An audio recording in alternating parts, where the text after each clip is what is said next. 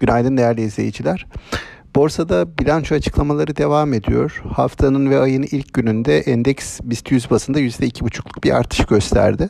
Bu artışta baktığımız zaman özellikle e, demir çelik hisseleri, perakende sektör hisseleri, holdingler ve bankalar dün ön plandaydı. Buralarda kuvvetli alımlar gördük. E, burada tabii e, bankalarda büyük ölçüde özel sektör bankaları kar açıklamalarını tamamladılar. Gelecek hafta az sayıda bir banka ve kamu bankalarının e, karları gelmeye devam edecek. Şirketler tarafı bundan sonra kar açıklamaları açısından önem taşıyacaklar.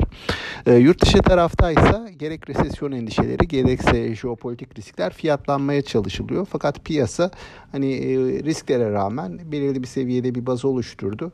Bu seviyelerde hani ufak tefek e, artılar eksiler günlük bazda değişimler olsa da genelde bu seviyeler e, bir miktar güven sağlamış durumda yurt dışı tarafta. Yatay bir seyir olduğu söylenebilir. E, bizim açımızdan yarın enflasyon verisinin geleceği bir gün bu açıdan önem taşıyor. Bunun haricinde yine e, bilançolar devam edecek. Dünkü yükseliş kuvvetli bir yükselişti dedik. Bu yükseliş sonrası bugün piyasanın bir miktar konsolidasyon arayışı içerisinde olmasını nispeten yatay bir seyir gözlenmesini bekleriz.